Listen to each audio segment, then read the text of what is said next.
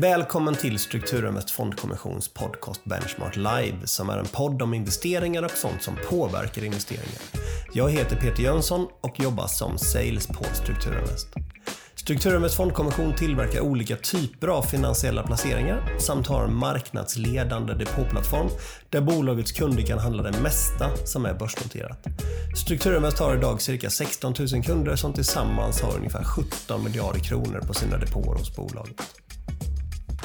Så välkomna till Benchmark Live avsnitt 11. Eh, det finns många olika typer av aktiefonder och en del är specialiserade på vissa geografiska regioner. Andra fonder är specialiserade på olika branscher eller olika storlekar på bolag. Eh, men så finns det de fonderna som egentligen bara har ett enda mål och det är att hitta de bästa aktierna oavsett region, storlek eller bransch. Och en sådan fond kommer vi prata om idag och till vår hjälp då eh, så har vi förvaltarna till Coeli Global Selektiv som är Andreas Brock och Henrik Milton. Så välkomna till Benchmark Live. Tack, tack så mycket. Tack, tack. Det är en strålande försommardag idag. Hoppas att ni och era familjer var bra i dessa tider. Absolut, vi har, vi har redan haft corona så vi, vi är klara med det. Alltså, ni har redan haft det. Skönt att det gick bra. Eh, jag tänkte att vi skulle börja med att lära känna er lite bättre. Ja. Så ni kan väl börja, vi kan börja med Andreas. Berätta lite om din bakgrund och vad ni har gjort eller du har gjort då innan eh, du kom till Coeli. Absolut. Eh, jag är, jag är från Skåne, som säkert lyssnarna hör. Jag är från en liten by som heter Hörby, uppväxt i småföretagarfamilj. Så jag, jag, köpte mina första aktier när jag var sju år gammal och min faster hon är 85 idag och hon handlar fortfarande med aktier. Så att, uh, vi gillar business i min familj. Eh, efter militärtjänstgöring ehm, så reste jag runt jorden och eh, jag är då 19-20 år. Eh, jag kommer till New York och inser då att världen är en stor, det är en stor värld. Den är betydligt större än Hörby där jag kommer från. Och en riktig ögonöppnare. Så jag gör en tioårsplan hur går jag från eh, där jag kommer ifrån till, till Wall Street uh, eller liksom finansvärlden om vi säger så. Jag visste ju inte så där jättemycket utan jag, jag läste heltid ekonomi vid universitetet eh, och, jag läste också mandarin, kinesiska. Uh, så jag läste dubbel hastighet, kom in på ABB vilket var då min dröm och kom in på samma företag som per, den berömda Percy Barnevik. Jag gjorde fyra år på ABB, var framförallt i Kina och sysslade med företagsförvärv där. Otroligt lärorika år. Och efter det så i min del av min tioårsplan då så gjorde jag en MBA i London och sen så då in inom investeringsindustrin. Så jag har sysslat med investeringar sedan, eh, alltså på, på, på börsen då i olika former då eh, sedan 2007. Eh, jag förvaltar pengar i 11 år och det här är då mitt nionde år som jag då ligger före mitt index då. Så att det har varit en en intressant eh, period att få förvalta pengar under, under lång period. Och eh, vid min sida då ehm, för, för att driva den här fonden då som är som du sa så väl Peter, vi är ju lite annorlunda för att vi är ju fokuserade på att uh, inte bara köpa det bästa utan att skapa andelsägarvärde. Så att vi, vi, vill ju, vi har ju en ambition, en hög ambition om att skapa mycket pengar till våra andelsägare. Och vid min sida då för att driva den här fonden så frågade jag min bästa vän Henrik Milton. Eh, vi har känt varandra i 22 år om han ville komma. Henrik? Ja, och eh, min bakgrund är ju att eh, jag har jobbat i finansbranschen sedan 2001. Jag har förvaltat två globalfonder och detta är nummer två. Alla globalfonderna har fått fem stjärnor på Morningstar. Jag har också förvaltat en brickfond när det var populärt. Även den fick fem stjärnor på Morningstar. Vi har ju gemensamt då att vi har arbetat på ABB och på min tid så var ju faktiskt Percy Barnevik chef och eh, väldigt, väldigt spännande tid med över 200 000 anställda. Och nu så har jag förstått också att man har kommit in i officersgänget här då. Eh, I och med att jag också jobbat som officer, fast i flygvapnet då. Okay. Inte pilot, utan jobbade som, eh, som tekniker.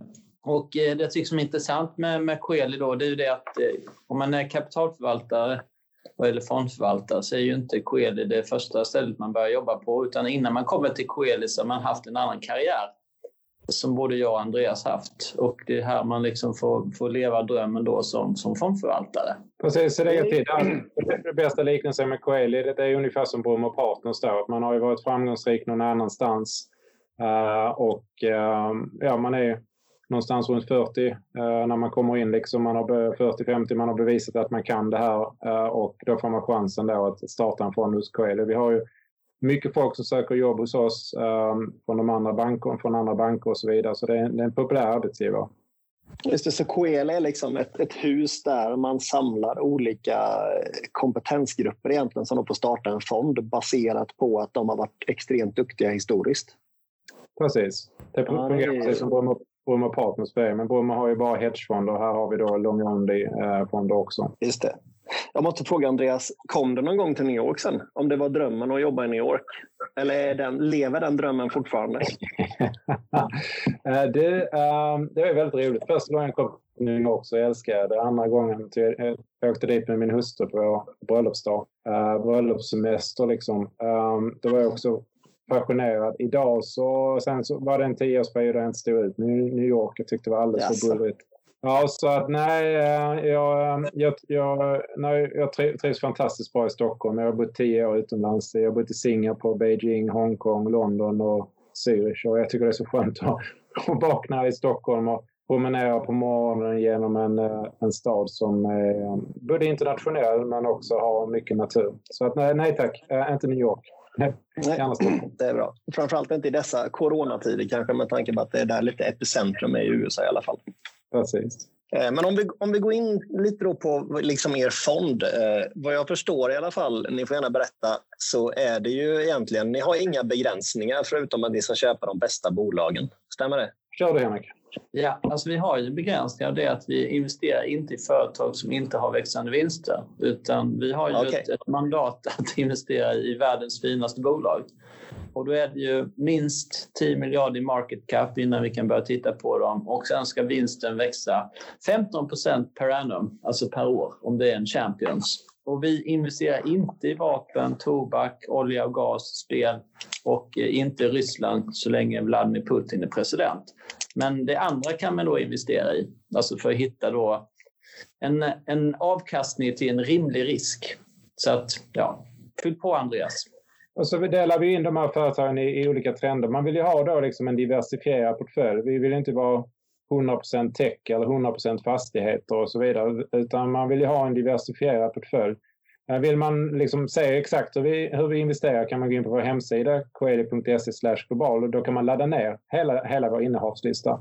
Men, men trender som vi gillar är till exempel kosmetik och skönhet. Uh, L'Oreal, Estée Lauder, alla de här krämerna som både män och kvinnor använder. Det är en fantastiskt stark trend. Vi gillar fastigheter, vi gillar fastigheter i Tyskland. Eh, vi gillar industriföretag men vi gillar lite mindre nischade. Vi har lite tech, eh, vi har lite banker och utvecklingsländer. Så att man får en en, en diversifierad portfölj där som Henrik sa, alla delar måste fungera. Liksom. Alla företag måste växa. Så att när vi pratar industriföretag så köper vi inte de här eh, bjässarna som inte växer eller företag som Veoneer som har massor med problem. Utan vi växer i företag där det liksom är fullt ös, fullt momentum och så vidare. Så att då får man ju har du då liksom en portfölj med, med vinster som växer då i, i runda slängar 15 procent. Inte exakt alla företag växer 15 procent hela tiden, men i snitt gör de det över tid. Det är den målsättning vi har. Har man en sån portfölj så blir det ett himla fart i, i eh, andelsägarvärdet uppåt. Mm, det kan jag tänka mig. Men så, så inga småbolag egentligen med tanke på att det är över 10 miljarder. Det är egentligen enda begränsningen ni har, och plus de här PRI-begränsningarna. Det, det, stämmer, det, det, stämmer bra. Vi, gillar, vi, vi vill inte ha för mycket småbolag uh, för att det, det, är svårt. Vi förvaltar nästan över 5 miljarder så att det är svåt för oss ja, att gå in i Sen tycker jag också det blir, blir ofta, om man tänker på ett företags utvecklingsfas, så, så har du i inledning av ett företag, men 9 av 10 företag som startas går i konkurs. Låt oss börja med det. De som överlever den de första åren eh, även många av dem blir aldrig något, något stora. Utan vi gillar företag som liksom har bevisat sig, eh, klarat en konjunkturcykel gärna, bevisat att produkterna kan skala, att de har managementstrukturen för, för att bli stora. Då är ofta företagen en 10 miljarder i, i börsvärde eller mer uh, när de har kommit in. Och då går de ofta in i en fas av mer eller mindre oavbruten tillväxt under kanske en 10 till 20 årsperiod. Ja, och sen så vid ett senare tillfälle så når man den här fasen när företagen får problem. Och vi kan ju säga att ABB har ju problem idag för tidigare arbetsgivare för de måste brytas upp. Och då kommer, efter den här uppstyckningen så kommer det säkert börjas en ny tillväxtfas för vissa delar av ABB. Och då är det ju spännande igen. Mm. Eh, du nämnde att eh, ni inte vill äga ryska bolag så länge Putin är eh, chef där borta. Vad, är anledningen till det? det är ju alltså att vi investerar i företag som ger aktieägarna ett värde. Och om man då tänker sig börja på toppen med, med omsättningen och om man då hela tiden tappar av pengar till höger och vänster som inte investeras i företaget som går till andra saker så blir det ingenting kvar eh, längst ner på raden. Utan det är ju det här med corporate governance, att det ska vara välskött, pålitliga människor, ärliga människor och så vidare. Så att jag tycker att eh, eh, ja, motsatsen måste bevisas innan vi, vi, vi, slänger pengarna på Ryssland igen. Så kan jag säga. Vi har inte investerat i Ryssland och vi kommer mest sannolikt aldrig att göra det heller. Kan jag säga. Okay. Är, det, är det erfarenhet från din bricktid som, eh, som talar här? Alltså på den tiden så, så var det faktiskt ett bättre Ryssland. Eh, vi pratade liksom i slutet av 28, 29 och så vidare. Så det, det, var ett bättre Ryssland nu. Ryssland har ju tyvärr blivit lite sämre. Sen var det en mycket större riskaptit för emerging markets på den tiden också. Mm. Idag så har ju, eh, det går inte att investera i emerging markets för att det, det, det är väldigt få aktier där som, som går bra. Vi har ju några bolag i portföljen eh, som kommer från emerging markets men det är ju, vi pratar extrem tillväxt där som är dubbla tillväxttakten mot eh, developed market. Det kommer mm. väl in mer på det sen. Hur, hur hittar ni era bolag? Liksom, om, man, om man har hela världen som som målarduk, om jag uttrycker mig så. Hur vet man vad man ska börja måla? Ja, eh, jag kan ta den. Vi, vi, gör ju, vi, vi gör ju möten, väldigt mycket möten. Vi har ju minst 120 möten varje år, ett normalår, eh, varav hälften är väl fysiska, hälften är telefonmöten och videosamtal. Så vi får väldigt mycket input från våra möten. Eh, vi läser tidningar, Financial Times, branschtidningar, facktidningar och så vidare, får input där. Vi gör våra egna screenings och, och tittar på de mest intressanta företagen. Vi åker på industrikonferenser, Ehm, och, är runt mycket och lyssnar och, är, och även på aktiekonferenser. Så det handlar liksom om att skapa, skapa en mängd olika idéer. Och sen så kan man säga så här att investerings eh, eller analysfabriken ser ju likadan ut för alla bolag så att vi går igenom alla samt, alltså samma steg i processen för oavsett hur vi hittar ett företag. Eh, och typiska företag, om man ska prata lite egenskaper, här då, så är det ju eh, företag som har en väldigt med en bra industristruktur, till exempel betalningsföretag, vi tar Masa, Mastercard och Visa. De ska ha en väldigt stark affärsmodell som de styr över och att de även då kan höja priserna, att det är de som är kungen vid prissättningen. Eh, alternativet är ju att vara ett oljebolag där det är någon annan eh, som styr, eh, mm, Just det. Som styr oljepriset. Ägarskapet är jätteviktigt. Vi vill ju att, äg, att vd ska äga en stor del, gärna ordförande ska äga också. Va? Stora huvudägare gillar vi. Ehm, det ska vara en bra kvalitet på ägandet, eller förlåt, det ska vara bra kvalitet på management och till exempel investerar man i en indisk bank så är ju management quality det är A och O. Och sen så ska de ha en bevisad historik på på lönsamhet, att de ska kunna växa, att kunna förbättra sina marginaler. Och sen då sist men inte minst på, på egenskaper är att det ska ha en låg skuldsättning som är ett otroligt viktigt ja just när företagen har det knackigt. Då måste de ha reserver, ett överskott som de kan ta vid dåliga tider.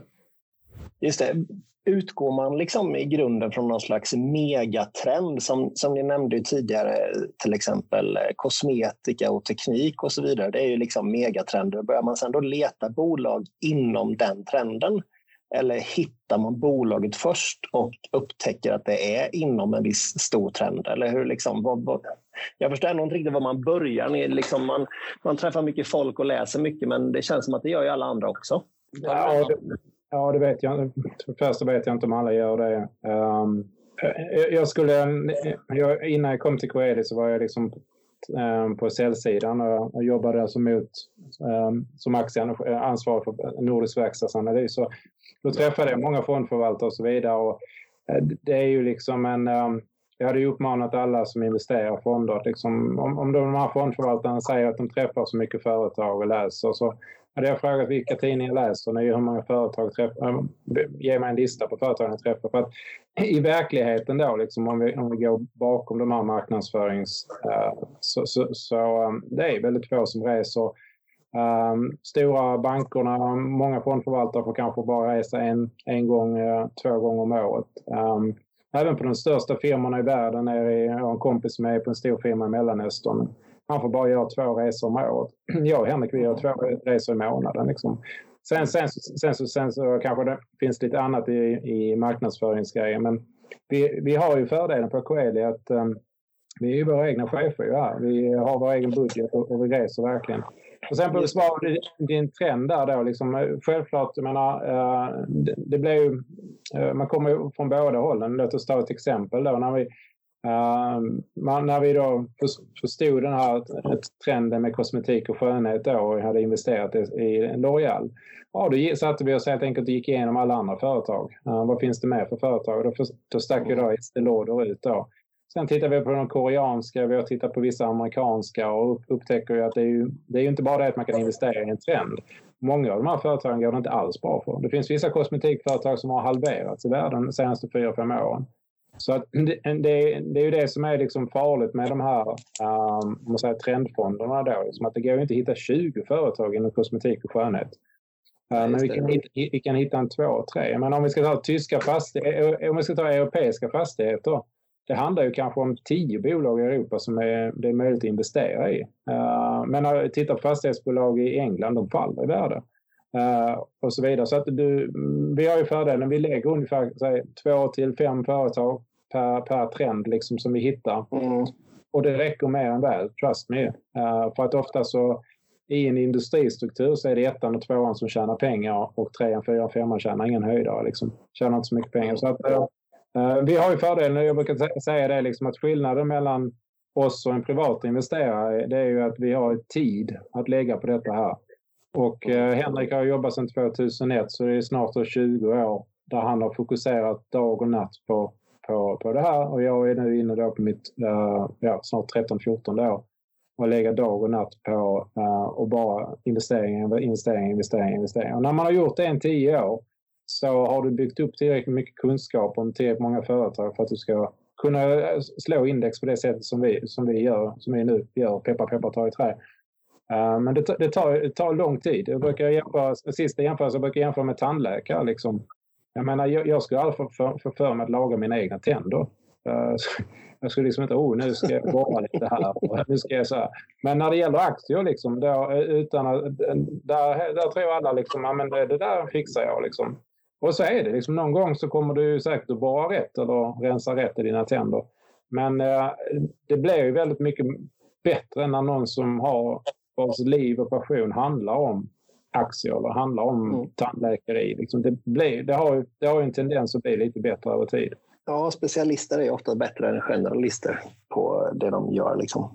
Men sen vet jag också att ni har en väldigt, eller ganska i alla fall koncentrerad portfölj. Men kollar man ett globalt index, jag vet inte hur många, hur många aktier det kan vara i ett globalt index som MSCI World till exempel. Men vad kan det vara? 200-300 aktier kanske? Nej, ja, och ni har, 2000. Det är 2000 index. 2000 aktier. Jag gissar på att ni har färre innehav än 2000.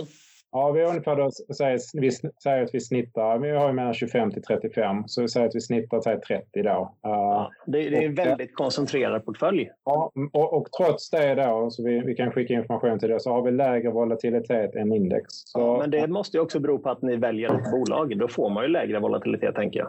Precis, och vi kan ju inte berätta exakt hur vi lyckas. För alltså, vi kan ju jag vill inte, vi vill inte berätta exakt liksom vår hemlighet hur vi lyckas skapa den här låga volatiliteten. Men, men det är ju liksom, vi vill göra en produkt som ökar väldigt kraftigt i andelsvägarvärde men också har en, en begränsad eh, liksom, volatilitet. Eh, vi vill, kan vi ligga under index i volatilitet är det bra, men med, vi vill, kan vi ligga på index så är det också helt okej, okay, men vi vill inte ha för hög volatilitet. För jag tror att det blir väldigt svårt för en rådgivare. Och jag menar, vi är ner 2 i år. Tänk om vi hade varit ner 20 liksom. Det går, mm. inte, det går inte för en rådgivare att sitta med en kund och förklara och tappas 20% Det finns vissa globalfonder, det är bara att titta i listan där bak i svenskan mm. och som är ner 20 procent i år. Jag menar, det, det, går inte, det går inte att förklara det. Då kanske slutar året bättre än vad vi är. Men det är bra mycket enklare att sälja, ner, att sälja in en fond som, som har en, en, en bra riskjusterad avkastning. Ja, ja. Och det kanske det viktigaste här är att den, den slutkunden som äger er fond blir ju inte lika stressad med tanke på att nedgången är mindre. Om man äger någon fond som är minus 20 procent så kanske man eftersom man blir rädd, säljer den liksom på minus 25 eller någonting sånt. Och så är man inte med på vändningen sen. Medan er fond kanske man då kan äga längre med tanke på att den har lägre volatilitet. Precis, jag ska bara avslutningsvis innan jag tar över ordet till Henrik. Men liksom, rådgivare kan ju bara gå in på vår hemsida, ki.se global. Och så kan du bara ladda ner hela innehavslistan och då kan du dra fram den i ett kundmöte. Det här är vad du äger. Liksom. Mm. Uh, och när du tittar på vilka namn vi äger, Mastercard, Visa, Microsoft, uh, Estée Lauder, L'Oreal, Sika om ni jobbar med byggnadsmaterial. Det är, uh, det är liksom fantastiskt. Uh, AAK som ger fetter till Nutella, Snickers och så vidare. Jag menar det här är en fantastisk portfölj. Och det är ju den portföljen man vill kunna lägga fram i ett kundmöte. Så är det. Sen Teknik. Ja, fortsätt Henrik. Ja, men jag ska gärna, vi pratar om en koncentrerad portfölj och det är ju det att eh, Andreas och jag, vi klarar knappt, alltså vi har ju 15 företag var att följa och det är ju 60 mm. konferenssamtal på åren plus all annan analys. Så att, eh, ska man liksom göra ett seriöst arbete och hinna följa sina företag och vinstutvecklingen som vi gör så, så det, man kan knappt ha fler företag om det ska vara ett, bli ett bra arbete. Så, så det är den ena idén då, eller anledningen. Och det andra är ju att om vi ska få genomslag på våra idéer så måste det ju vara, då vill vi ha en 3-4 procent i en position för att det ska hända någonting i, i navet. Skulle vi äga eh, ett litet bolag och investera 0,5 procent till det så är det ingen mening. Så, så, det är ju det. Och sen när man pratar, vi pratar om det här med volatilitet och, och det styrs väldigt mycket av eh, om det inte är riskaptiten så är det ju egentligen hur, hur vinsterna utvecklas. Om vi har företag som alltid tjänar pengar, som alltid har stigande vinster, så blir det en, en tryggare utveckling på aktiekursen som, in, som appellerar på investeraren, för det är det här vill man äga. Och då man sätter samman då 30 av den här typen av företag så blir det en väldigt låg risk, kan man säga, utan att avslöja för mycket. Mm, ja, precis. Nej, men det, det, måste vara ganska ovanligt att ha lägre volatilitet än index, högre avkastning och extremt mycket mer koncentrerad portfölj. Så där har ni liksom gjort ett väldigt, väldigt bra jobb. Just nu så är ju eh, teknik största bransch i fonden, va? Ja, det stämmer bra.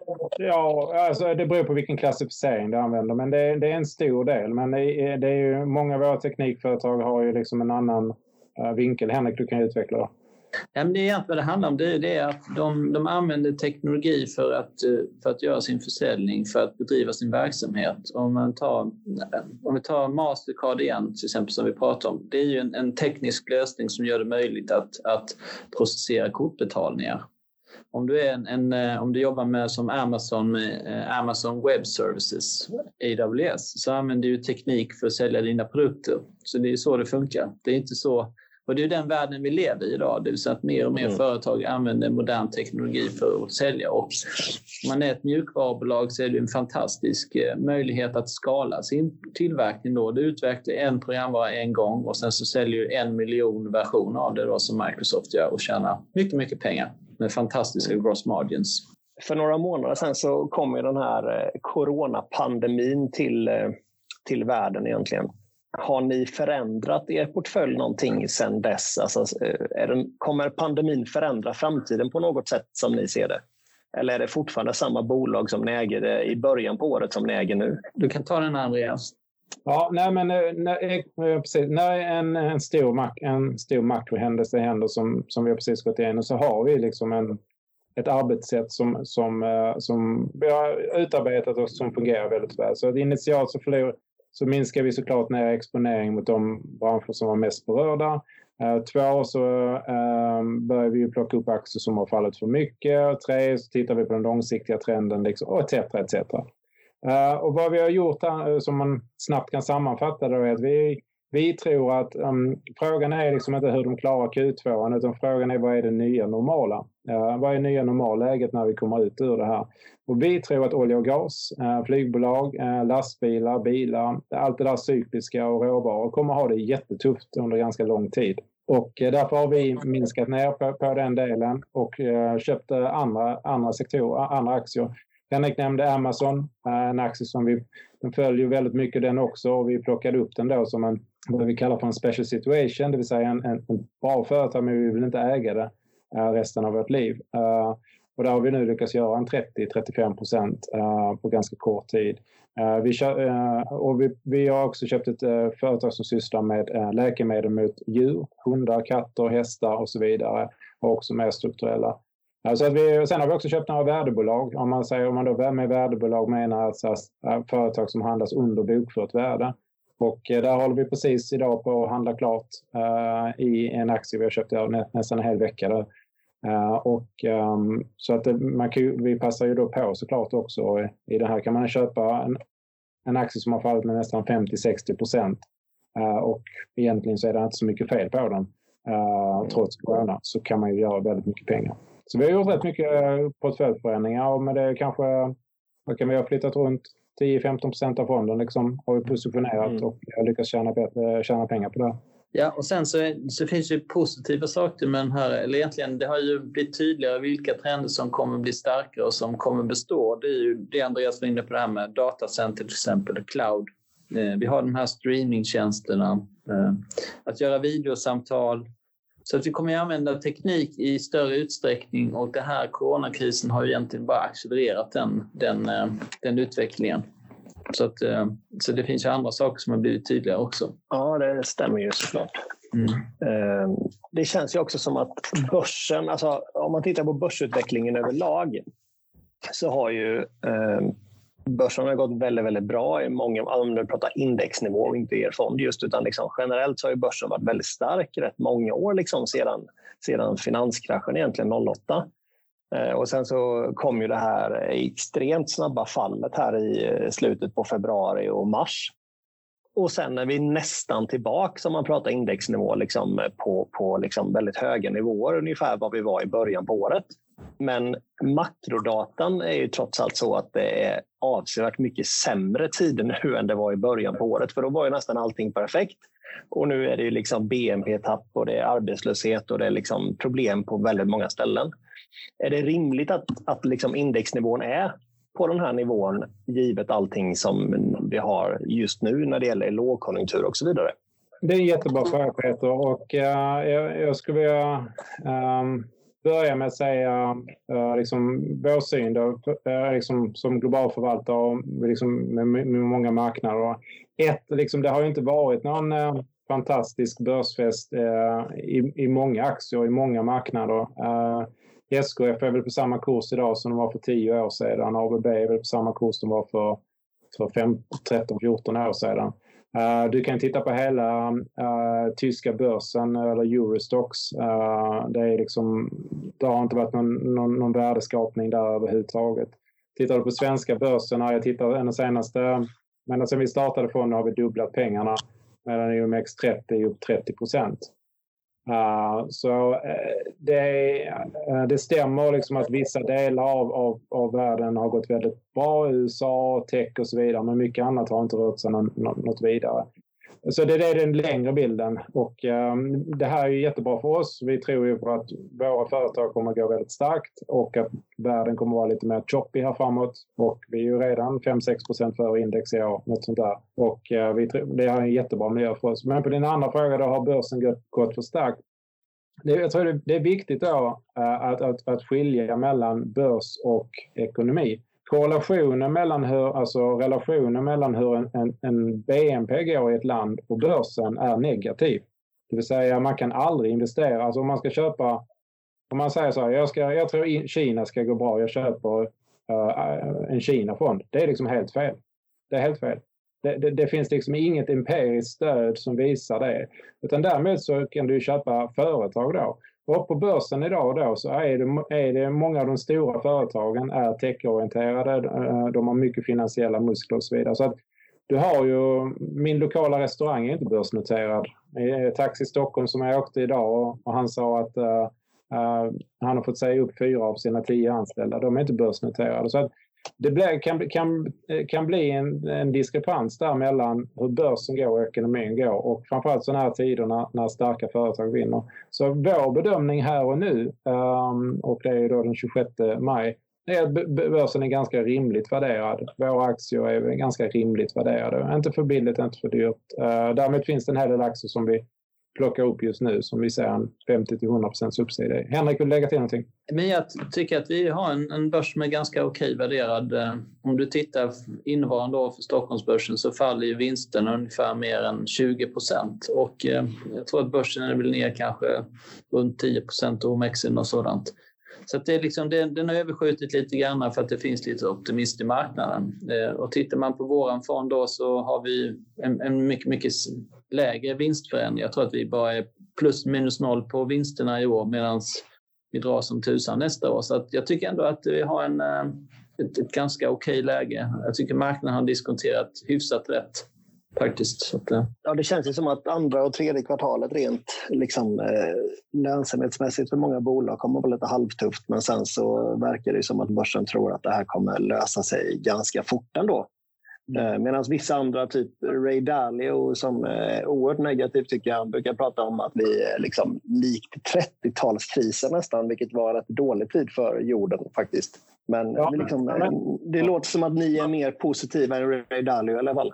Ja men, ja, men det är ju så här liksom att eh, alla försöker skapa mediebrus ju. Så hade han gått ut och sagt att eh, allt är okej, okay, liksom, då, då hade du inte ens citerat honom. Utan han måste ju dra i från, eh, från tårna liksom, för att han ska komma igenom mediebruset. Det andra är ju att det är ju en sån här bias eh, liksom, eh, i hela medievärlden. Att om man är negativ, då är man på något sätt mer intelligent.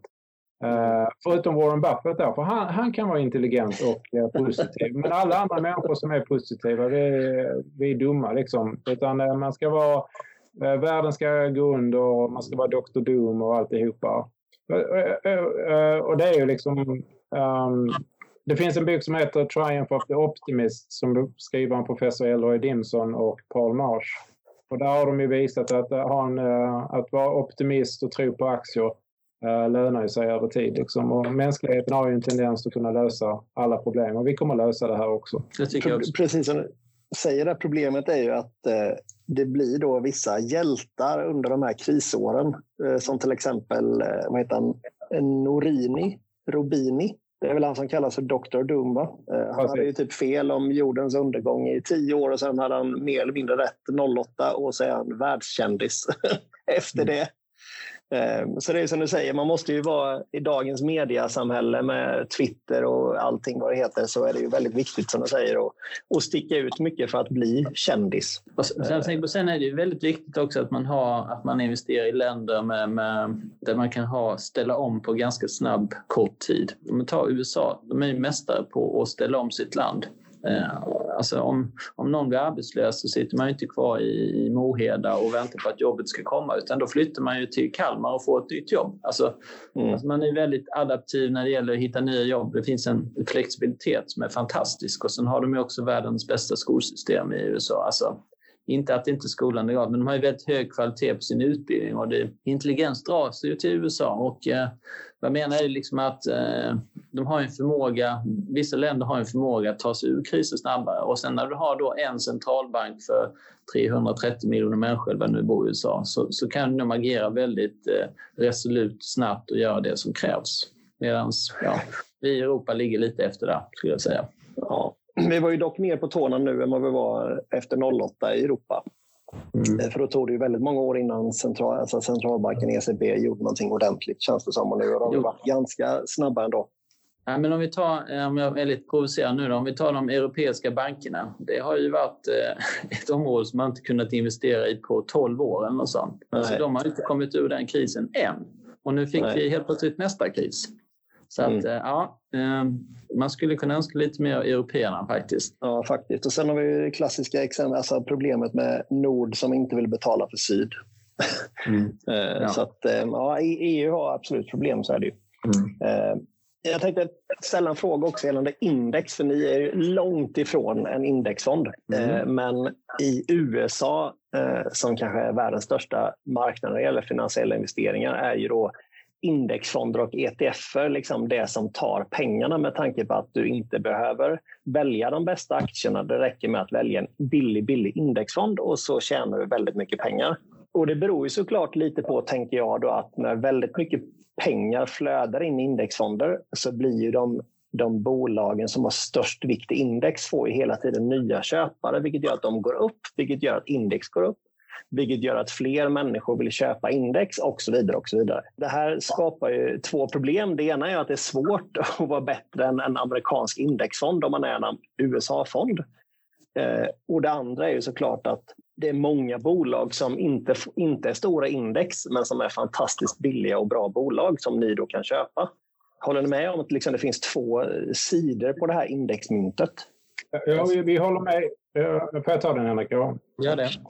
Jag har tänkt mycket på det här med, med index och, och så vidare. Jag både håller med och inte håller med. Om, om vi börjar med det första då. Det stämmer liksom att eh, indexfonder får mycket kapital och jag tror att för de som inte orkar välja fond, eh, de som, jag menar, det, som vi pratade om tandläkare, eh, vilken tandläkare ska man välja eller vilken bil ska man välja? Så är det likadant om man ska köpa en fond. Då måste man ju sätta sig ner och ta en dag, eh, två eller tre, eller som de, de som lyssnar på den här podden, Eh, mycket mer tid än så för att förstå vilka fonder som, och fondförvaltare som genererar bra avkastning. Och det är ju edgen, de, de som har som lyssnar på dina poddar här Peter, att, att de, är, de lär sig mer än den gemena investeraren. Uh, och, då, och då kan du ju välja rätt fond och rätt fondförvaltare. Sen då på den andra, andra frågan här. Uh, ja, det stämmer att uh, mycket pengar flödar och, och det, det driver ju upp värdet då.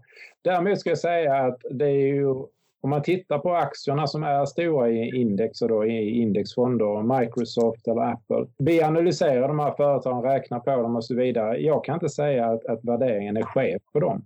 Jag kan inte sitta och påstå att de aktierna som är stora i index, är där jag har värderingen flippat ut. Vi har ingen 2001-kris, 2001-nivå eh, här på några aktier. Liksom, utan jag tycker värderingen är ganska rimlig.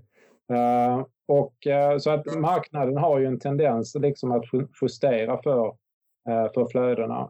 och det ser vi under den här perioden. Nu har det inte varit några av de här aktieåterköpen. Alla har varit så negativa för företagen köper tillbaka aktier och där driver de själva upp aktiekurserna. Okej, okay, men nu har de cancellerat alla dem. Och Microsoft är tillbaka igen på all time high. Så då är, då är det ju inte aktieåterköpet som driver kursen. Nej, det är det inte, utan det är ju den fundamentala synen på företaget. Sen då din avslutande fråga här då, och det är en jättebra fråga. Vi ser ju vårt jobb som att allokera mer kapital eh, till de företag som växer och går bra för än, än de företag som inte gör det. Det vill säga de företagen vi, vi köper liksom 4% i BRF som har varit en fantastisk investering. 4% är lika mycket som hela vikten för, det är två gånger vikten för eh, alla biltillverkare hela världen index. Så vi har, eh, det blir ju en enorm eh, liksom, diskrepans mellan oss och index i, i, i synen. Då. Och det är ju det vi kan göra. Det är ju så vi skapar mervärde för våra andelsägare. Om vi ändå är inne på biltillverkare. Tesla är ett bolag som växer väldigt kraftigt, eh, i alla fall i aktiekurspris. Men är det någonting ni tittar på eller gillar? Alltså, vi, har ju inte, vi har ju aldrig tittat på Tesla djupgående, och, men man kan säga så här att det är ett bolag som inte tjänar några pengar. Ehm, jag tror att de har ju, en, en, de har ju faktiskt en fantastisk produkt, den här elbilen som egentligen har rört om hela bilmarknaden. Ehm, mm. De har ju en eh, Model S, den har ju performance, eller, eller egentligen den accelererar ju som en motorcykel, alltså som de snabbaste Porsche-bilarna och så vidare. Så här. Men, eh, men som sagt, att vara investerad i just biltillverkare, alltså de som säljer mot slutkund, det är väldigt svårt för det är väldigt få av de här biltillverkarna som går bra. Det man istället kan göra är att investera i en bra så säga, underleverantör. Vi ägde till och med Brembo då, som levererar bromsar till alla de bästa biltillverkarna. Och då är det bättre att rida ett tema på det sättet, tycker vi. Just det. Jag vet att ni brinner väldigt mycket för de bolagen som ni äger, så jag tänkte att ni får chansen nu att sälja in era två så att säga, favoritbolag till mig var. Eh, shoot! Ja, men då börjar jag. Om man tittar i topp fem innehaven just nu så är två av dem United Health och uh, Nvidia. Och uh, om jag då börjar med United Health uh, så är det ju USAs största sjukförsäkringsbolag. Vi pratar om över 100 miljoner amerikanare. Det som United alltså, Health... Sjuk, Sjukförsäkringsbolag? Ja, privat, privata yep. sjukförsäkringar. Yep. Det är någonting som kom efter andra världskriget uh, och började erbjuds ju som uh, liksom tjänsteförmån till de anställda. Och idag så är ju, är ju mer eller mindre alla amerikanare uh, har ju en tjänstesjukförsäkring. Uh, sen finns det också olika statliga program då. Men United Health är den största spelaren i USA. Och det är, sjukförsäkring är ju en business som kanske växer 5-6 procent per år. Det är inte jättespännande. Men den andra delen av United Health äh, heter Optum äh, eh, och äh, där sysslar de helt enkelt med väldigt mycket med dataanalys. Och det är jättespännande. Den delen växte eh, över 20 procent i första kvartalet i, i år. Då.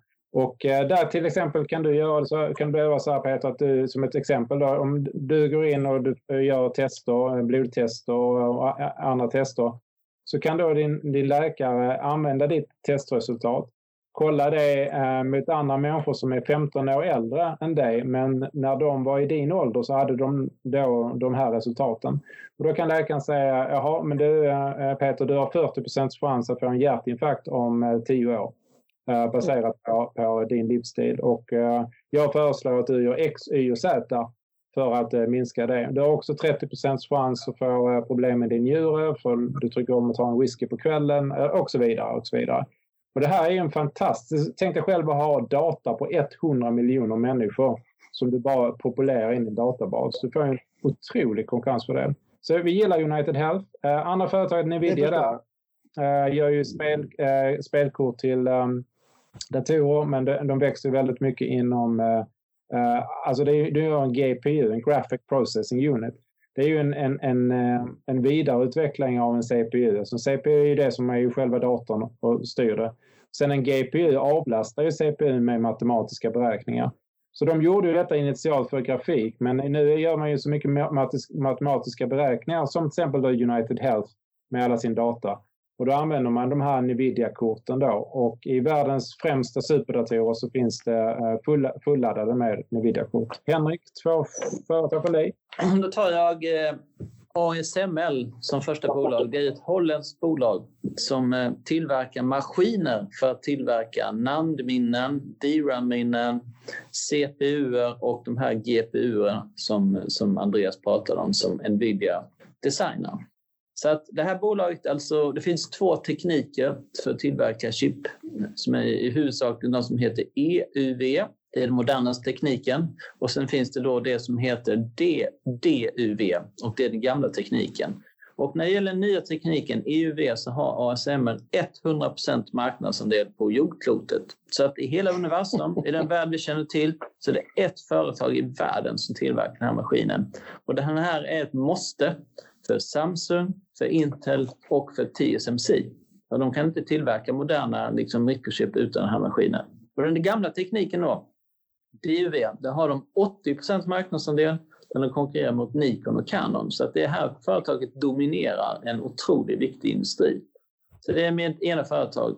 Och sen det andra är Microsoft, en gammal klassiker. Eh, den nästan liknas vid vårt fina Atlas Copco i Sverige. Men det intressanta är att den här industrigiganten då hela tiden håller föryngrar sig och förbättrar sig. Så att idag har de ju det här som heter Azure. De är ju tvåa på datacenter och cloud i världen.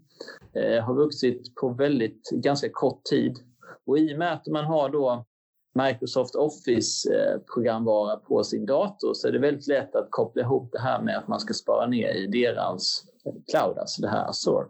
Så att det liksom länkar ihop det här väldigt snyggt. Det blir det man kallar sömlöst då, eller seamless. Och sedan då så använder vi väldigt mycket av den här Teams-programvaran. Eh, det har blivit mer och mer använt nu som en konkurrent till Teamviewer och eh, Zoom och vad det nu heter.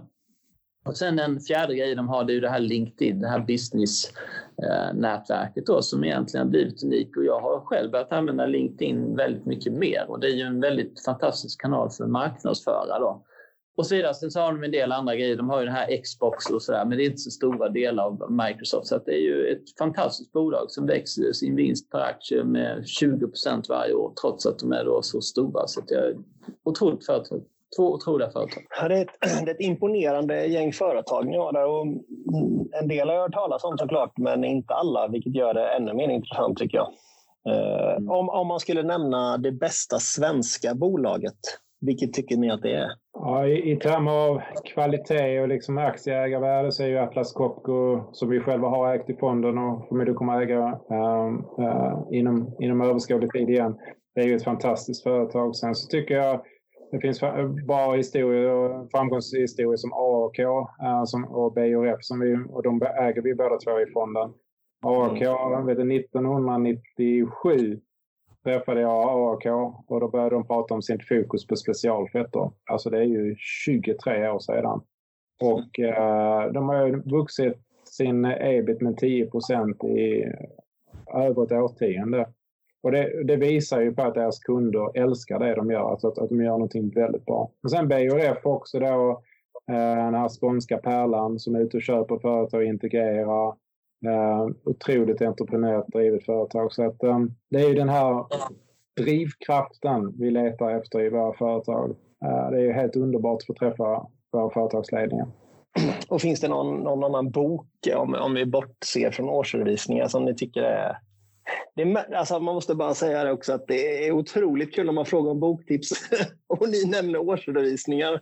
Ja. Man är mycket av en aktienörd får jag nog säga ändå. Ja, men när det gäller böcker, jag, jag, jag, tror jag, tror jag har dragit mig igenom över 200 olika böcker om, om aktier. Och eh, de har ju alla sina eh, olika liksom, plus och minus. Men som grundläggande tycker, vi, eh, tycker jag Peter Lynch, uh, Lynch böcker från 90-talet är ju um, både roliga att läsa um, och väldigt um, jag vet, inspirerande om hur, hur, hur, han investerade och hur han tittade på bolag. Han pratar ju precis som vi väldigt mycket om produkterna. Det, så Peter Lynch um, är, tycker, tycker jag är fantastiskt. Ja, jag håller med dig. Och sen... Magellan va, från Fidelity. Precis världens ja. största fond. Men Andreas har ju också skrivit en bok. Den är ju också Jaha, den, vågar, den var han för ödmjuk för att prata om. Ja, precis. Så den, eh, men sen, Vad heter boken, Andreas? Den heter Vägen till vinnande aktier. Den finns på Adlibris och Amazon och, och så vidare. Um, ja, det är uh, kanske ingen jättebestseller för att det är inte så många som känner till den. Men uh, min mamma är stolt i alla fall och uh, jag fick ett mejl från en, en fondutvärderare i Schweiz en, av de, en av de tyngsta killarna i hela Europa och uh, han tyckte boken var så uh, helt fantastisk så att han köpte den till hela sitt team. Och så, ja. så, så, så något, något bra har man kanske lyckats med. Det är lysande. Eh, då eh, tycker jag att vi rekommenderar den boken till alla våra eh, lyssnare här på podden jag känner väl att jag har fått ut det jag vill utav er. Eller någonting ni känner att vi har glömt att beröra eller någonting ni vill lägga till? Jag vet att vi har eh, pengar genom Strukturinvest. Vi vet att det finns rådgivare ute som har köpt eh, via och om ni lyssnar på det här så eh, än en gång då välkommen in på vår hemsida om ni vill ladda ner innehaven eller läsa. Vi publicerar ju en gång i veckan uh, någonting uh, på kl.se global om våra företag. Och eh, så vill vi passa på att tacka för förtroendet för att förvalta eh, era investerares pengar. Jag och Henrik har ju en stor del av vårt egna, egna kapital eh, i, i, fonden. Liksom, så att eh, det här är ju, det, vi tackar för förtroendet. Ja, om jag får lägga till där också och, och, slå ett slag för bloggen på hemsidan. För att om man följer de eh, blogginläggen där som vi har varje vecka så kan man också följa våra huvudtankar genom månaden. Egentligen vad är det vi, vi går och tänker på just nu? Vi la ut ett, eh, ett inlägg här förra fredagen som handlade om att det skjuter gröna skott i ekonomin. Och det vi letar nu efter det är ju tecken på att saker och ting blir bättre, att vi går tillbaka till det normala. Så att, eh, ja, som sagt ja.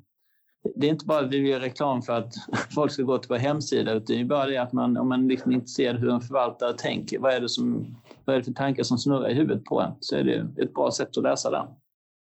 Precis, och det är koele.se slash global slash bloggen. Precis. Så hittar man de, eh, de tankarna där. Ja. Ja, men grymt. Jag tackar så jättemycket Henrik och Andreas för den här timmen jag har fått med er och eh, önskar er en fortsatt trevlig dag. Det är vi som tackar. Tack så mycket. Tack så Tack så mycket.